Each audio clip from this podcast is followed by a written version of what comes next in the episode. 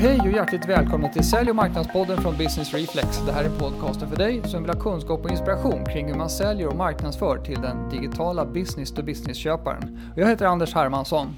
Idag har jag ett härligt intervjuavsnitt att bjuda på. Jag ska prata med en sann entreprenör som har startat ett flertal bolag inom intressanta branscher. Hon heter Anna Omstedt. Och just nu är hon VD på ett bolag som heter MedUniverse. Vi kommer att prata om entreprenörskap, vi kommer att prata om en mycket intressant vinkel på det här med hur små och stora bolag borde jobba tillsammans för att dra nytta av varandra. Det och mycket mer kommer ni att få reda på i intervjun som vi kör igång nu. Anna Omstedt, välkommen till Sälj och marknadspodden. Tack snälla, kul att vara här. Ja, men det är jätteroligt. Och så säger jag det som jag alltid säger, det är så himla kul att du kunde ta dig tid att komma förbi. Ja, men jag är extra glad att du gav mig en extra timme på att hinna hit. Så ja. att eh, det verkligen eh, jag blev en sån här lugn entré, att jag inte hyperventilerar här i podden. Just det, springer in och flåsar. Nej, det var skönt att vi, att vi slapp det. Och vad skönt att du fick lite tid på dig också att landa. Eh, vi ska ju prata om det här med entreprenörskap, hur man bygger bolag och sådana saker. Mm. Men jag tänker, kan vi inte börja med att fråga dig lite grann, vem är du?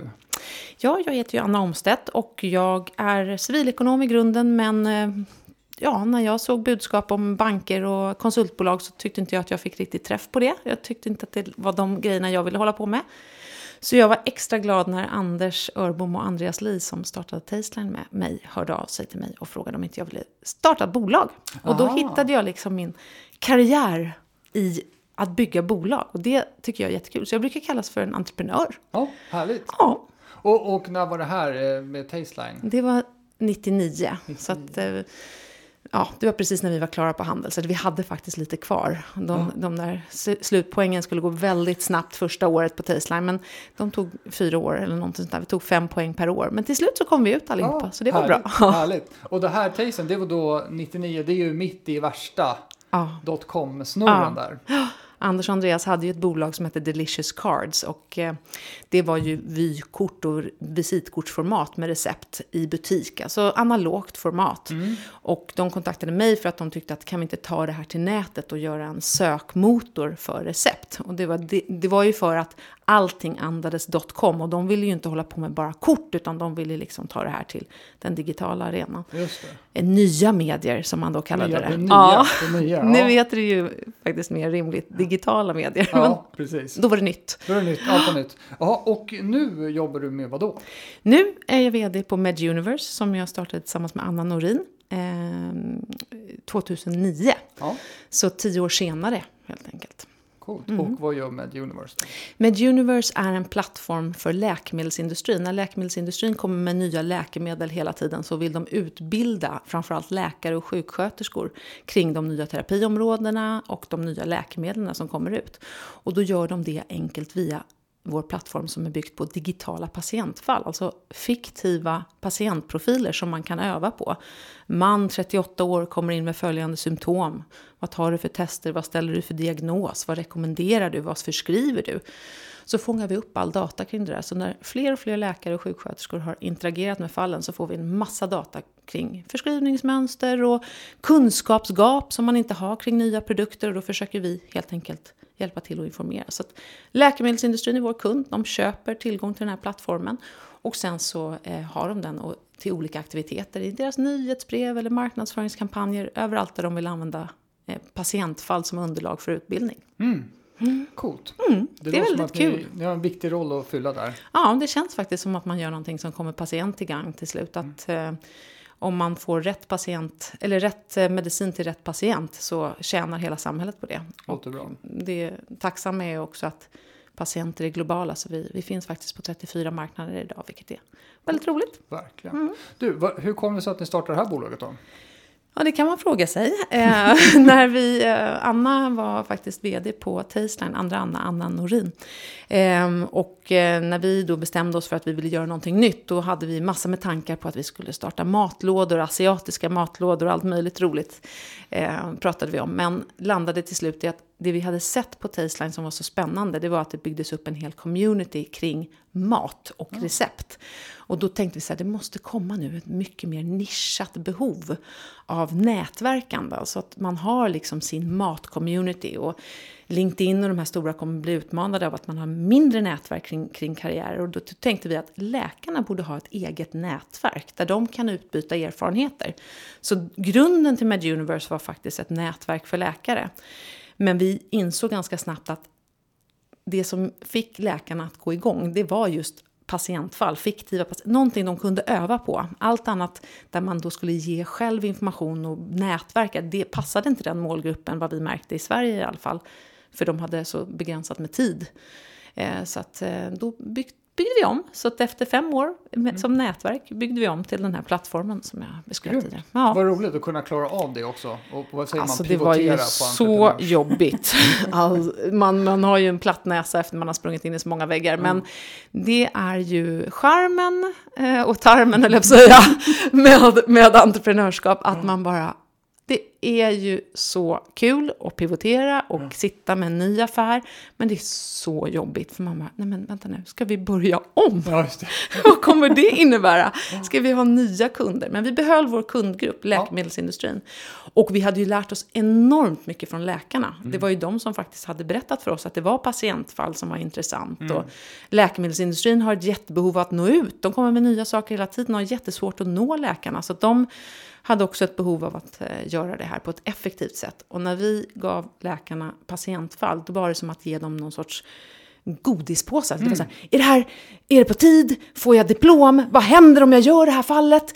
Ja, du, du kan hända vad som helst, bara du gör det. Det blir perfekt. Så det, vi tryckte på någon trigger hos läkarna som, som eh, triggade deras tävlingsinstinkt. Eh, och ja ja, det var, funkade väldigt bra helt enkelt. Häftigt. Ja. Det är kul att kunna, kunna kroka in någon sorts grundläggande mänskligt behov. Det är så roligt. Är ja, men särskilt när man har missat behovet hela tiden. Man bara, nej men de vill inte nätverka. Nej. De har en hierarki där det finns en läkare som alltid kan mer. Det blir väldigt utlämnande om man ska säga hej, jag har haft en patient. Och man kan inte prata om patient, det finns patientsekretess. Ja. Så vi till slut hade ju vi ett nätverk som vi hade nästan plöjt ner 10 miljoner i som inte fler än Anna och jag använde. Och då blev Just det liksom... Det. Lite dyrt. Det är lite dyrt. Vi kanske bara ska mejla varandra.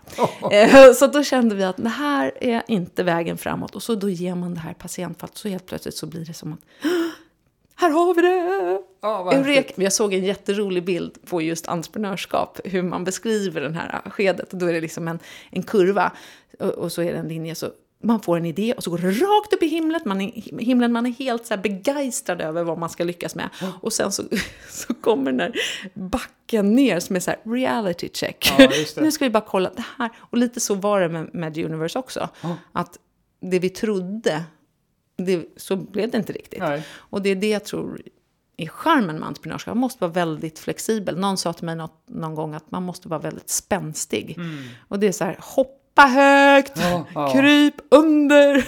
Så är liksom vardagen hela hinderbana. tiden. Ja, det är hinderbana. Ja, det är riktigt. Det kan ju bli mycket så här lösning söker, söker behov. Ja, lite mm, så. Mm. Mm. För man går ju igång på sin idé såklart. Ja, men det, det är, och det är tur. Det ska man ju ja, göra. Absolut. Då känner man ju att det är någonting man orkar driva om man inte går igång på sin idé. Du, vi har här en, en sak som vi pratade om innan. Det var det här med att gå från startup till scale-up. Ja. För det känns som att ni är lite grann där nu med Universe. Att ja. nu, nu är det liksom, ni har bevisat er på något vänster och ja. nu ska ni, nu ska ni så att säga, ta det här till nästa nivå. Det där är en sån spännande fas. För när man då kommer igenom det här reality check och man kommer igenom att man, okej, okay, vi har faktiskt en produkt. Vi har sålt den flera, flera gånger. Flera stora läkemedelsbolag som har köpt det här på flera marknader. Då måste man liksom ta ett nytt grepp. För då kan man ju inte vara en startup. Man kan liksom inte dra det kortet och säga eh, vi kommer utveckla det här och det kommer komma, utan man måste liksom bli mer processorienterad. Allt det här som man kanske tycker, det här har bara stora bolag på. Ja. Men den måste man börja ta tag i. Och där är vi faktiskt nu, en scale-up. Vi har rekryterat en massa människor, vilket gör att man får fler chefer, man blir fler människor som man måste ta hand om. Och det blir ju en helt ny ett helt nytt bolag faktiskt. Ja, verkligen. Det är väldigt roligt. Om man gillar att starta bolag så är det också kul att vara i olika skeden i bolag. För då blir det nästan som att ja, men jag kommer inte släppa det här bolaget nu, utan det blir ett nytt bolag i bolaget. Ja. Eh, så där är vi, precis där är vi nu. Hur, hur på något sätt vet man när det är dags? Hur känns det när, det, när man tänker att vi kan inte hålla på och vara starta på ständigt i beta och allt det här? Utan... Exakt, det känns precis så. Ja. Att man känner att nej, det här går ju inte längre. Nej. Nu, måste vi, nu har vi för många kunder som säger när kommer nästa grej? Eller eh, vad vill jag, jag skulle vilja, kan ni göra det här? Och vi skulle gärna vilja att sajten finns på kinesiska. Då är det så här, jaha, nu måste vi ta det här på allvar och fråga, okej, hur ska vi bygga det här så att vi kan växa? Och det är ju en timing då i hur mycket kapital har man, hur mycket kan man Verkligen. satsa? Det är ju så här, okej, vi, hade precis, vi har precis börjat göra, bli lönsamma. Ska man då ta lönsamheten direkt till att rekrytera och bli icke lönsamma igen? Alltså Ja. det här är ju en helhetsbild som Ja. man måste, men man, man känner det ganska tydligt. Och det skulle jag säga är, är huvudsakligen för att man har sålt någonting som kunden uppskattar och vill ha mer Ja. och längre perioder. Så att, ja, Det är alltid det, är på något sätt kunden som bestämmer när det är dags. Ja, men lite så. Om du inte har en produkt som kunden vill ha, då kommer du inte flyga. Därför man, kan, man kan ju dopa sig själv något galet med massa externt kapital och sånt. Och säga Verkligen. att man ska, nu går vi på, på vår B-runda Ja. här för nu har vi gjort någonting och Ja. så har man fått lite kunder. Ja, och det närmast. ser vi ju överallt idag, att det är väldigt många bolag som gör det. Och ehm, ja, jag, jag vet inte, vi har inte valt att, vi, vi, vi tog in lite kapital för tre år sedan. Eh, och vi kanske kommer behöva ta in lite mer kapital, men vi har aldrig gjort de här jätterundorna. Nej. Och jag tycker det är ganska behagligt. Mm. Det är liksom hur man är som entreprenör också. Jag tycker att det är ganska skönt att veta att ja, men jag kan sälja det här för att jag vet att kunden vill ha det Ja. här. Ehm, och ja, sen så kan det ju också vara så här att ja, men hade jag fått in 50 eller 100 miljoner så kanske jag inte hade tackat nej till det. Men jag, jag måste ha, liksom, vad ska jag använda de här pengarna till? Jag, jag kan liksom inte växa. I mitt huvud så har jag svårt att växa så snabbt. Ja. Eh, och, eh, Ja, just. Trillar in 100 miljoner helt plötsligt, vad ska jag göra vad ska med jag dem? göra med dem? Eh, Och där tror jag, i den branschen vi är, Mm. läkemedelsindustri, tokreglerat, hälso och sjukvård, jättelångsamt. De har ju knappt fattat digitala medier ännu. Nej. Om då vi kommer och sätter igång en massa tankar som inte de är redo för, då spelar det egentligen inte roll att jag har det där kapitalet. Nej. Så det beror också på helt vilken bransch man är. Är det mördande konkurrens och jättemånga som springer, då är det klart att vi behöver en kassa för att kriga. Ja. Marknadsföring, det är olika vilket typ av bolag man Ja, börjar. Ja. Intressant. Du, eh, eh, när, man, när man eh, ska starta bolag, det här med att och, eh, få ihop teamet och sådär. hur- Vad är du för tankar kring det? Människorna? Ja, eh, det där är ju alltid superspännande och eh, jag träffar väldigt många unga entreprenörer som ja, men så här helt entusiastiskt kanske startar med någon som de har träffat som har en liknande idé och så har man liksom kanske inte gått igenom några stålbad tillsammans. Nej. Jag tror att det är väldigt viktigt att man vet vad man har för gemensam värdegrund. Lite som i, i när man rekryterar, att man liksom verkligen hur kommer den här personen passas eller gifter sig Jag för den tänkte delen? precis säga när man gifter sig, för det tycker jag så här. Ja. Själv startar bolag, man är ju extremt nära varandra. Ah, Väldigt stor Det är ju din andra partner. Jag brukar säga det till Annas man då, att jag är glad att jag får, får låna henne så mycket i vaket tillstånd dessutom. Ja, så jag precis. äger liksom så mycket tid med henne och hon med mig. Ja. Så att man måste känna varandra och respektera varandra och ha samma plattform. Mm. Att det här tycker jag är bra, det här tycker jag är mindre bra. Och delar man det blir det enklare. Mm. Sen finns det ju ett jättebra innovationsarbete när det är lite skav också mellan människor. Att man, men jag håller inte med dig. Jag älskar när Anna ifrågasätter mig. Mm. Eh, men jag tycker det är urjobbigt. Men hon grottar ner och så punktar hon ner mig så här. Men du, jag, hon tycker att jag pratar för flummigt. Liksom. Och då vill hon veta, vad menar du med det här? Vad menar du med det här? Vad menar? Och jag blir helt trött. Jag vet inte vad jag menar än. Nej, det kändes bra. Mm, Men det kändes ju jättebra i morse. Eh, Men det är väldigt bra att man kompletterar varandra Ja. också. Så att, ehm, nej, det, det, teamet för mig är en... Det viktiga är att man, man har en gemensam grundvärdering och det går väldigt lätt att också formalisera med avtal. Väldigt många glömmer att skriva avtal. Och sen kan det vara så att okej, jag har skrivit det här avtalet. Egentligen tycker jag att det är lite konstigt att jag går med på det här. Men då måste man skriva brevet till sig själv. Jag gick med på det här för att, om det till exempel är så att jag har gått in med mer kapital eller mindre kapital. Varför gjorde jag det? Vad var läget då? För två, tre år senare kanske man har glömt det och blir arg, besviken, bitter. Det så att man liksom bara mm, ja, tänker igenom. Det är ju samma sak med brö- äh, bröllop, men, men äh, giftermål också. Ja. Det finns en anledning till äktenskapsförord. Det finns en anledning till liksom varför man går isär som vänner. Det finns alltid saker. Vänner är lite mer löst hållet än äktenskap. Företag är också väldigt tajt. Ja, verkligen. Ja. Det är det. Ja, intressant. Du, eh, nu är det så här, vi, vi pratar lite grann om, om co-creation. Det finns lite olika sätt att se på det där. Att man, att man skapar tillsammans med sina kunder och är lyhörd vad kunderna behöver ha. Och att man liksom jobbar tillsammans med dem. Men vi pratade också initialt om det här med att stora och små bolag och nystartade bolag och etablerade bolag. Och där hade du en del intressanta och spännande tankar kring det. Kan du inte berätta lite mer om det, vad du tänker där? Nej, men vi pratade ju om det här med att entreprenörskap, måste man, det är också tillbaka till det här med teamet. Måste man som entreprenör göra allting själv? Och i storbolagen måste man förlita sig helt på att det ska finnas innovativa människor i de stora bolagen.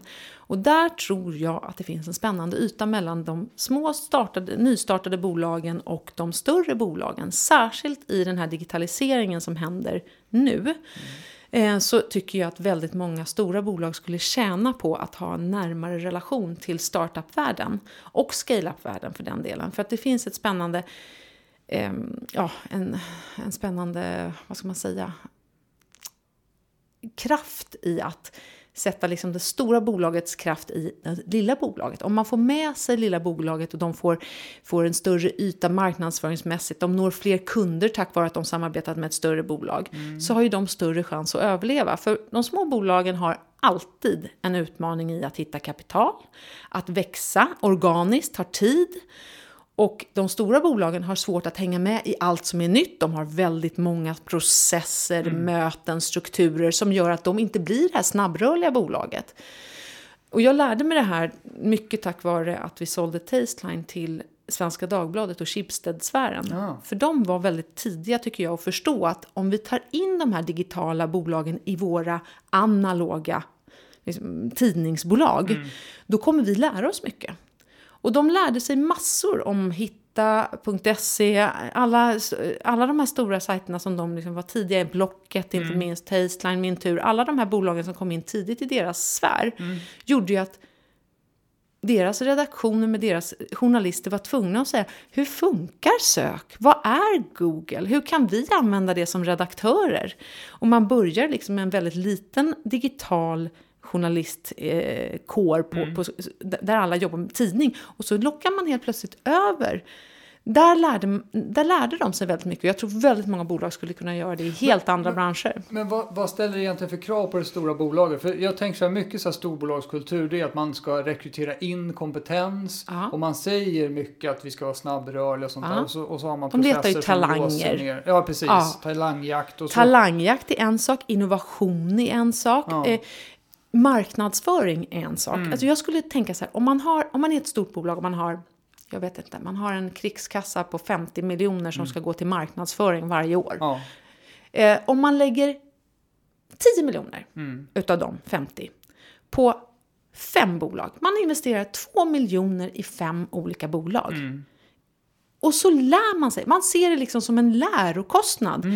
Eh, att man, så- istället för att, för att vi ska bränna det här på eh, annonsering, någonting, nu lär vi oss från det här. Det här blir vår, det här blir vår marknadsföring och lär, lärokälla för att liksom få in nya saker i vårt bolag. Och då kanske man samarbetar. Man kanske inte äger hela bolaget, man kanske äger 20% av ett bolag, eh, hälften av det här lilla bolaget. Och samtidigt så har man redan då ett samarbete där man säger, ni får eh, tillgång till våra ytor. Om vi, titt- vi pratade ju tidigare om till exempel eh, bilbesiktning. Ja, det, traditionellt bilbesiktningsbolag får tillgång till ett nystartat bolag som har kommit på en jättesmart idé hur tidsbokningen ska vara effektiv. Ja. Och istället för att de ska utveckla det här, äh, förstå det här, så börjar de samarbeta i ett ägarförhållande. Ja. Det lilla bolaget får en helt eh, unik yta till många kunder och det stora bolaget får en mycket bättre förståelse för hur de kan göra saker digitalt. Det är liksom små exempel.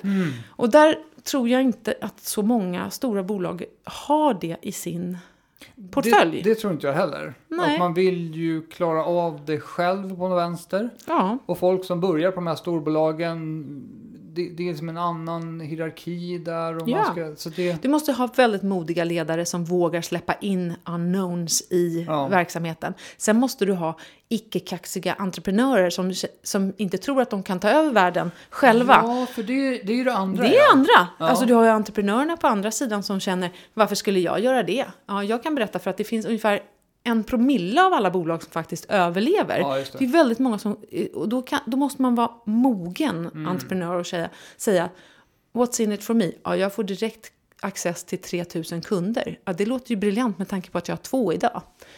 Sådana saker tror jag att man, man måste liksom ta, ta hänsyn till. Men jag tror att det finns en spännande modell för det där. Ha, intressant. Och då tänker du att det är ägande en, en eh, bra grej där? Ja, jag tror det det. Då får man, då får, det blir på riktigt. Mm. Då får man ett incitament och man kanske har en modell där man säger till entreprenören, ja men det här är, vi, vi gör det här som en liten eh, instegsmodell, att vi, vi får lite, först får vi lite insyn i ert bolag och då samarbetar vi först. Och sen så kan det finnas en option på ägande och sen så blir det ett helägande eller Ja. gemensam internationalisering eller vad det nu är. Ja. Man kan lägga, liksom lägga en sån plan ganska tidigt. Mm. För det är intressant det där du tog upp senast just med entreprenören som Ja. Mm. ska, ska tycka att det här är en möjlighet. För man tänker ju såklart att det man har kommit på det är ju bara nu, nu sticker Ja. vi här och så, Ja. och så tar vi över världen. Så man måste då vara lite, lite ödmjuk inför, inför de eh, utmaningar som finns med att etablera sig Ja, såklart. och sen så måste man ju också som storbolag då vara ödmjuk för. Så att tar man in den här konstellationen med snabbrörelse som pratar på måndagen, levererar på fredagen. Mm. Och man är van vid att liksom kanske prata 41 möten på måndagen och 41 år senare kommer. Det, ju, det finns ju en anledning till att det här inte görs jättemycket. Ja. Men jag tror att, och kanske snarare en marknadsföring, att man ser det som en rekryteringspotential. Mm. Hur mycket lägger man på att attrahera talang idag? Ja, men vi kanske lägger då 5 miljoner på att attrahera talang, men på ett helt nytt sätt. Vi tittar på startup och vad får vi för människor till oss då? Just det. Ehm, och, och hitta en yta där. Ja, jag, jag tror att det finns någonting här, men, men jag har inte sett så mycket än. Ja, just det. Jag, vet, jag var ju med på bolag som varit uppköpt av IBM. Ja. Och de hade ju liksom, där stoppade man sig in i en torktumlare och så skulle man bli bluewashed. Så Ja. man vart en IBM-are. Men de, de hade ju satt det i, i system när de köpte programvaruföretag på löpande band. Ja, Eh, att de hade ju sin kundbas och sin Mm. enorma säljstyrka globalt. Och tog in bolag och sen skulle de skulle man automatiskt växa med Ja. 700% första kvartalet. Just det. Nu gick inte det alltid, men nej, det var ju... men det var tanken. Då är det grundtanken. Men de ja. köpte ju hela bolaget. ja, de köpte hela Ja, direkt. Det För det här är lite mer som en, en... Jag tror att man ska lära sig. Och där kanske det är tydligare. Det, det finns en viss teknisk kunskap. Man vill ha in det. Och så, där kanske det funkar bättre att Mm. äga helt och hållet. Men jag tror att det finns väldigt många bolag som inte känner att de kan det digitala. De, de har hört att det är det man ska göra. Mm. Och man kanske tror att man ska anställa någon sociala medier-ansvarig. Eh, Det borde väl räcka. Ja. Men man ser inte vidden av att det kan faktiskt bli en helt ny digital affär där du når helt nya kunder tack vare att du finns på andra ställen än liksom bara din lilla butik. Ja. Jag tänkte komma tillbaka till det där med bolagsbygge, entreprenörskap och sånt där. Mm. Ser du, ser, finns det några recept? Finns det några olika faser man går igenom vad man bör koncentrera sig på i de här olika stegen när man bygger bolag? Eller hur, hur ser det ut på det där Ja, fronten? ja, men jag tror faktiskt att det gör det. Det var det som var så roligt med den här bilden. Så upp som en sol, ner som en pannkaka Mm. och sen så kommer någon sorts utvecklingsfas upp och ner.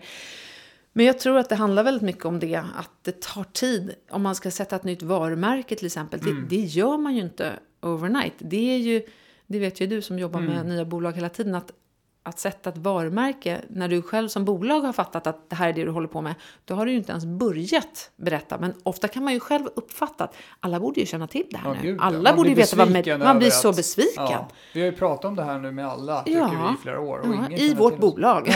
Ja, just det. Själva vet vi. Och då måste man ju liksom förstå att det där kommer ju ta tid. Mm. Och sen när de har förstått att det finns ett sånt varumärke så kanske de liksom ändå måste ha två, tre års erfarenhet av använda produkten, Mm. tjänsten, köpa det här äh, som, som man säljer. Så det, det, man underskattar ju lätt tiden, Ja. eh, hur lång tid det tar att faktiskt sätta varumärke och eh, mönster. Och särskilt om man gör någonting som ingen annan har gjort. Eh, Monica Lindstedt på, på Hemfrid, hon brukar alltid säga att ting tar tid. Och hon vet ju det. Men när hon förändrade en hel bransch, köpa liksom städtjänster från att liksom har, gjort det, många gjorde det svart till Ja. och med. Alltså hon har liksom rensat upp. Alltså det finns så mycket. Det tog ju jättemycket längre tid än vad hon trodde från början. Det. Och nu ett klick ifrån att man faktiskt får hem Ja. städ och fönsterputs, liksom, eller vad det nu kan vara. Det, ja, hon har verkligen ändrat på det där. Ja, just det. Och det där med tiden är ju, är en ständig eh, källa till besvikelse. För just att Ja. man, man, man tror att det ska vara ett sprintlopp. Man Ja. ser liksom att där borta i kurvan går vi i mål. Ja. Och så kommer man dit och så märker man, jaha, det var 10 000 meter hinder det här. Det är en annan anledning till att entreprenörer behöver samarbeta med storbolag. För att det finns ingenting som kan göra mig så tokig som när jag redan sitter på ett möte och jag har redan sett det här svaret. Jag vet ju. Ja. men ni borde bara göra så här och så här och så här. Då måste man också förstå att ja, men det är du som har sett den här kreativa spiralen. Det, det kommer att ta fem år att bygga processerna för att det ska etableras. Det, det, det räcker med att du går in på ett um, måndagsmöte med ditt gäng. Alla i ett bolag, om man är under 20 personer, har ju inte alls samma synsätt. När, ha, en förändring är ju ofta jobbigt. Ja. Men så kommer du in och så säger du helt upplyst. Liksom. Du har ju haft här, den här visionen. Så här kommer vi göra, vi kommer ändra hela systemet. Så här. Ja. Nej, men jag har ju precis kommit på att det är så här jag ska göra. Ska du än? Det kan ju vara superstressande Ja. för människor. Och den måste man också ta in i beaktande liksom, när man, och, man och gör det det är ju här. så här, är man den typen av person så var det där du beskrev nu, det var inte första gången det hände. Utan det hände samma sak för 14 dagar sedan. Exakt. Du, vi borde göra så här. Ja, det sjuka är ju när man kommer på sig själv. Ja. Bara, man är den här, jag brukar kalla mig så här, den här glassgumman, du vet de här GB glassgubbarna som Ja. står, som har ett stort leende och så står de och svajar fram och tillbaka. Och så får man en stor smäll i ansiktet och så åker den där rakt i backen och sen så bara, hej vill du ha glass?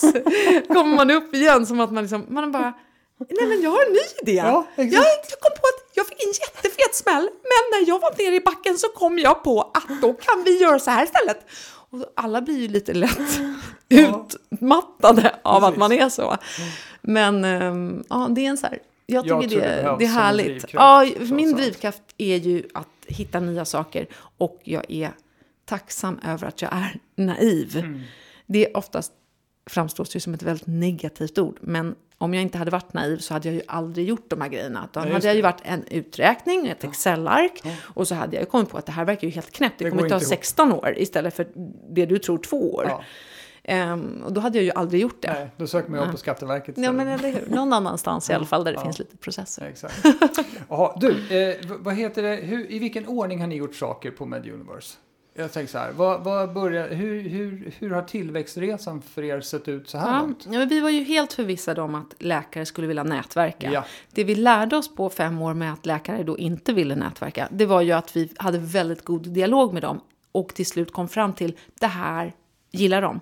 Och det, det tycker jag är så här, i, i hindsight så är ju det vilken grej att vi jobbade så nära vår kunds kund så att vi förstod. Det är det här de vill ha. Nej, men det där kommer de inte gilla. När du skickar ett patientfall i nyhetsbrev, då är öppningsgraden mycket högre än om du skickar bara en pdf. Så att vi lärde oss ju väldigt mycket från målgruppen. Det ska säga att det är lätt att säga nu så här i efterhand, men, men det var faktiskt väldigt, väldigt bra för oss att lägga liksom marknadsundersökningen som grund. Vad vill målgruppen ha?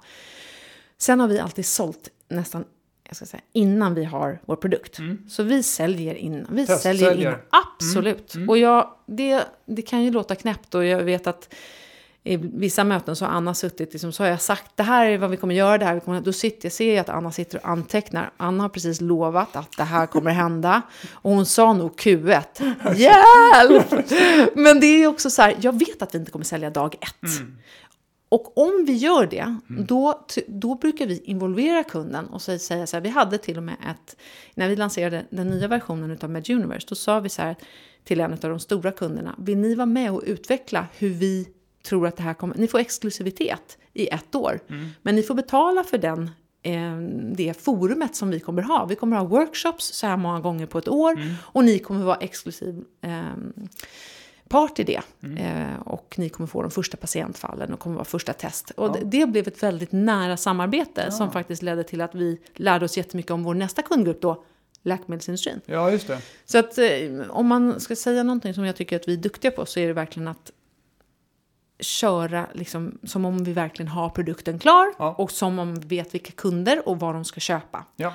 Och i realiteten är det så här, i verkligen är det verkligen så här, åh, vad ska vi ta betalt för det här? Mm. Och allting är ju test. Hur vet man vad man ska ta betalt när ingen annan har gjort det här? Nej, det är väldigt svårt. Sådana saker är ju Mm. alltid då, så det är inte lätt. Men Nej. det är ju det är ett bra sätt att ta någon på pulsen liksom, och veta att okej, ehm, det här är vad de är redo att betala, det här, eller beredda att betala, det här är vad de tycker om produkten, det här är vad de kommer efterfråga. Så att man lär sig det istället för att gå in i en källare så här, jag vet nog vad de behöver. Exakt. Och lägger man kanske ett, två år på det så kommer man ut och så har... Säg Så, tada så, och ja, ingen... och de bara, nej, det är inte riktigt så vi jobbar.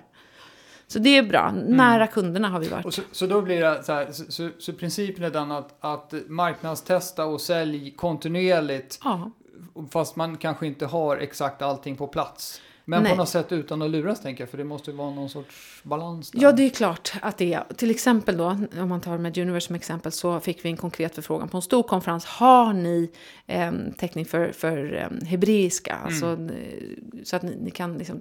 Självklart har vi språkstöd för det. Mm. Och det hade vi ju inte. Nej. Men vi visste ju att vi skulle ha språkstöd. Det var ju självklart för vi visste att vi globa- globala. Teknikchefen hade också en plan för hur ska vi implementera olika språk. Ja, Sen så var vi ju tvungna att implementera. Men till att den kunden sen tackade ja så kunde vi ju veta att nu ska vi utveckla det här Ja. för nu har vi faktiskt en konkret kund. Men de hoppar ju inte på dag ett Nej, på en exakt. fråga på en konferens. Nej. Utan de hoppar ju på nio månader eller ett år senare. Ja. Och då hade vi det. hade ni. Så att, då får man också det här, är det här en konkret förfrågan? Mm. Ja, det är det. Ja, men då, då ska vi absolut ha det. Ja. Vi har språkstöd i våra tankar, men just hebreiska har vi inte just nu. Nej. Men nu har vi det. Jag lärde mig på en säljkurs en gång för säkert 50 år sedan att då ska man säga så här, när någon frågar om ni har en speciell grej så här, köper du om vi har det? Ska man fråga. Ja, exakt. Ja, men det är ju lite så. Eh, man måste liksom Hur kolla är signalen. Hur viktigt är det här? Och ibland får man ju frågor från kund som är sådär, men vänta nu, det här är väldigt skräddarsytt. Precis för den här kunden. Kommer vi kunna bli lönsamma på att göra så här? Till alla våra kunder som vill ha enskilda behov? Mm. Nej, då måste man ju också säga så här, nej, det kommer vi faktiskt inte utveckla. För att det kommer att kräva för mycket av oss och vi tror att vi ska åt ett annat håll. Just det. Ja, Ja. Så det är också en sån här Det gäller att Tuffa beslut. också. Ja, faktiskt. exakt. Strategi Faktiskt. att välja. I början är det ju väldigt så här, man tackar inte nej till Nej, pengar. Nej. Men sen så inser man att oj, det här, där landar vi, varför vi är mer en scale-up idag, det skulle säga att för vi vet vilka kunder vi inte ska jobba Ja, med. Och vi kan göra den läxan redan innan. Då har Mm. vi liksom tagit fram ett ramverk nu. Bara, har de innehåll? Mm. Har de access till läkare redan? Allt det här är liksom del av vår onboardingprocess. Det hade vi ju inte från början. Mm. Nej. Utan de bara, hej, vill du vara med? Perfekt! Ja. Och sen så bara, jaha, du har inget innehåll. Eh, det kommer ta sex månader. Eh, och sen så, då kunde vi liksom inte leverera. Nej. Och det, det är ju också en sån här lärdom som vi har nu. Mm. Vägen till värdet brukar Ja. jag prata om. Hur, vad, vad är det vi faktiskt ställer för krav på kunden för att de ska få ut värde av det här? Det kan vara en Exakt. jäkla resa. Det är så viktigt och det har ju vi pratat om med er, Mm. verkligen att verkligen förstå vad är det för någonting som gör att det här kommer bli värdefullt för dem. Precis. För det är ju inte vad som helst, har man ingenting då, ja. Jo, eh, det här med att hitta, eh, jag tänker om man nu är, vi tar ur entreprenörers perspektiv då, då. Om man nu har en, eh, man har startat sitt bolag och börjar få någon form av traction åt något håll, att man vet att man överhuvudtaget har ett existensberättigande. Hur ska man tänka kring att eh, leta reda på en sån här stor partner? Mm. För vi pratar ju om att de är i stort behov, de stora bolagen är i stort behov av att få innovationskraft och allt det där. ja. Men den lilla kan ju faktiskt, om de ser nyktert på Ja. sin tillväxtresa så kan man förstå att det kan ju bli svårt. Ja. Hur ska man tänka kring det där? ja, där kommer ju ofta frågan upp kring från entreprenörens håll. Mm. Ja, men då kan de ju göra det här själva. Mm. Så om man tittar på en Om stor teknik, dem- på, om vi visar dem Ja. det här, då kan ju de bara kopiera det här. Mm. Så det gäller ju på något sätt att eh, identifiera, är det här ett behov som de kommer tjäna på att göra via oss? Tjänar de ett och ett halvt år på att göra det med oss istället för att utveckla det själva och vi har en massa lärdomar? Mm. Jag tror att man kommer in i, i liksom, det där kan ju ta lite tag innan man också har byggt sitt egna värde. Det kanske man inte har gjort första året. Nej. Men säg efter tre år när man verkligen har kämpat, man har tagit, man har tagit fram en proof of concept, man vet att nu säljer vi den här produkten. Då kanske det kan vara läge att säga så här, vilka skulle kunna öka hastigheten på vår försäljning? Mm. Vilka säljer till de målgrupperna vi vill nå, liknande produkter inom liknande, där vi kan vara en tag-along? Mm. Det, det är väl det, den... Det. Men det, det är inte lätt, men det, det är liksom viktigt att man kanske lyfter blicken för det åtminstone.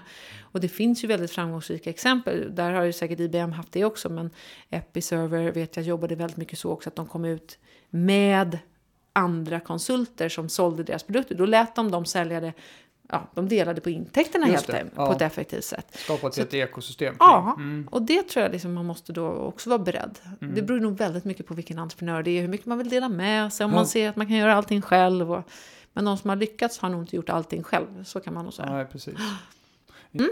Okej, då har vi pratat om det här med att starta bolag och driva bolag och man blir, går från startup till scale-up och man kanske ska hitta, hitta någon större partner då. Ja. då. Eller om man är storbolagsdirektör så ska man försöka hitta några mer snabbfotade. Ja. Och allt det här låter ju jäkligt bra. Det låter som att det finns mycket energi i den här processen och det. Så om man nu är vd här och är på ett mindre bolag och vill så att säga kanske ha platåat lite grann. För man Ja. känner att det börjar ta emot mer Ja. och mer. Vad, vad är ditt liksom, tips till vad ska man göra nu? Nej, men jag tycker alla, det är ju olika personer som lyssnar på det här och de sitter säkert på olika roller. Men oavsett var man sitter, bara öppna upp hjärnan lite för att se nya typer av samarbeten. För ofta kanske man om man är entreprenör sitter väldigt nära sin egen produkt och tänker att det här är framtiden. Och om man sitter i storbolag då tänker man inte heller att Åh, jag ska in med alla de här nya grejerna i mina led. Utan man tänker det där, det där är utanför det där är utanför oss, det här kan inte vi hålla på med. Men att man liksom öppnar upp för det och säger nu ska ledningsgruppen på storbolaget träffa fem bolag som konkurrerar på oss, med oss. Ja. De ska komma som inspiratörer till deras ledningsgruppsmöte. Bara för att se, och ge dem en uppgift. Ser ni något samarbete med oss? Och entreprenörerna, precis på samma sätt. Bjud in de stora bolagscheferna och säga så här, hej, vi försöker hitta en, vårt, eh, vår plats i ekosystemet. Eh, ni är ju här, vi är ju här. Vi, vi upplever att vi är en liten bubbla utanför hela ert system. Finns det någonstans där ni ser att vi skulle göra nytta? Bara för att öppna upp den dialogen. För jag tror att väldigt många entreprenörer, de bara kör. Ja. Och de storbolagen, de kör också för de är lönsamma, de har gjort det här i 30, 40, 50, 100 år. Och liksom, ja men det där lilla... Men sen så kommer en Klarna, sen kommer en iSettle, så kommer en Skype. Och de kommer liksom utan att de hinner se dem. Ja. Och de respekterar dem inte, utan det där kommer aldrig funka, det, det, det, det är för Just tidigt. Det där. Men om man skapar, och Kodak och Instagram är ju Mm. sådana här klassiska som alla säger, men det kommer vara fler sådana bolag framöver. Ja. Och då tycker jag att om man bygger relation tidigt bara för förståelse för varandra, det skulle jag säga. Mm. Och så slip, då slipper fler småbolag som har en bra lösning gå i putten för att de inte hade Ja. syre nog. Och färre stora bolag blir disruptade. Och, Ja, ja. jag tänker att det Ja, kunde vara en bra bra. hemläxa. Ja, suveränt Anna. Tack så jättemycket. Tack. Du, om folk vill komma i kontakt med dig, hur ska de göra då tycker du? Då kan de jättegärna mejla mig på Meduniverse. De hittar oss på meduniverse.com. Perfekt. Ja. Tack så jättemycket för att du kom till Sälj och marknadspodden. Tack snälla, jättekul att vara här. Ja, det var allting vi hade att bjuda på från Sälj och marknadspodden för den här gången. Jag hoppas verkligen ni tar till det här som Anna säger och ni som är, jobbar på startups eller mindre bolag, fundera över om ni kan öppna ert sinne och se om ni kan hitta samarbetsformer med de där som ni kanske ursprungligen tänkte att ni skulle disrupta och slå ut från marknaden, de stora etablerade bolagen. Det kanske finns något värde där i alla fall, trots allt. Och ni som jobbar på de stora bolagen, öppna sinnet ni också. Gå ut och sök reda på de som potentiellt sett skulle kunna ersätta er på några års sikt, men som kanske behöver er hjälp nu och kan starta samarbeten istället. Det tycker jag ni ska göra. Och en sak till, vad ni än gör där ute så ska ni vara relevanta. Hej då!